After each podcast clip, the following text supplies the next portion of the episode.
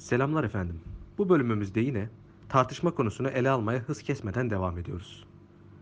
Üçüncü maddemizle bölümümüze başlayalım isterseniz.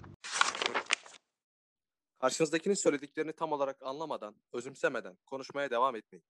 Karşınızdakinin söylediklerini idrak etmezseniz konuşmanız bambaşka yerlere kayabilir. Bunun sonucu olarak tartışma içten çıkarılmaz ve anlamsız bir hale gelebilir.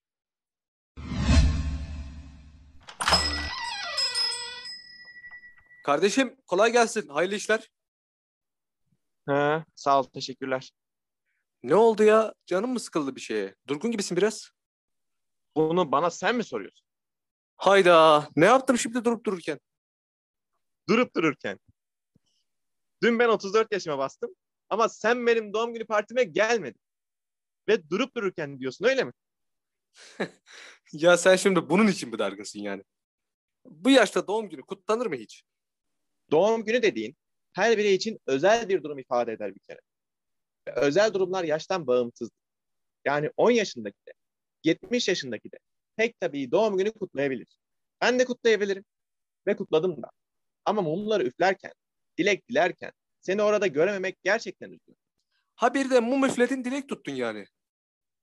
Konu bu mu şimdi? Hayır yani pastaya mum dikmek bizim kültürümüzün neresinde? Benim nenem, dedem hiç bana bahsetmedi öyle bir kültürden.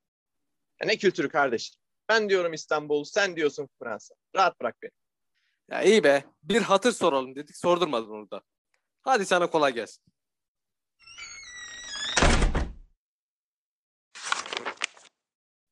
Tartışma esnasında karşıdaki kişiye lakap takmamalı, kırıcı hitaplar kullanmamalıyız.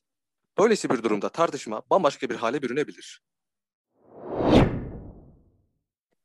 Ya ben bu mavicileri hiç anlamıyorum. Garipçilerin çizgisinde gitmek varken onlara karşı olmuşlar. Kardeşim, garipçiler şiirin konusu her şey olabilir diyerek şiir sanatını değersizleştirmişler bir kere.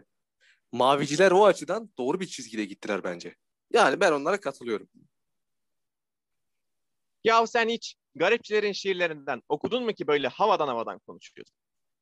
Yo, okumadım. Şu beyinsize bir bak ya. Ya şu cahile bir bak ya. Daha açıp bir tane eserlerini okumamış ama fikir sahibi. Sen Mavicilerin hiçbir şiirini okudun mu? Yani okumadım. Salak herif. Kendisi de okumamış. Gelmiş burada konuşuyor. Elbette hakareti onaylamıyoruz. Ama bir parantez açmakta fayda var. Bilginizin olmadığı konularda tartışmaya girmemeye özen gösterin. Bu bölümü de burada noktalayalım. Son bölümde görüşmek dileğiyle efendim. Esen kalın.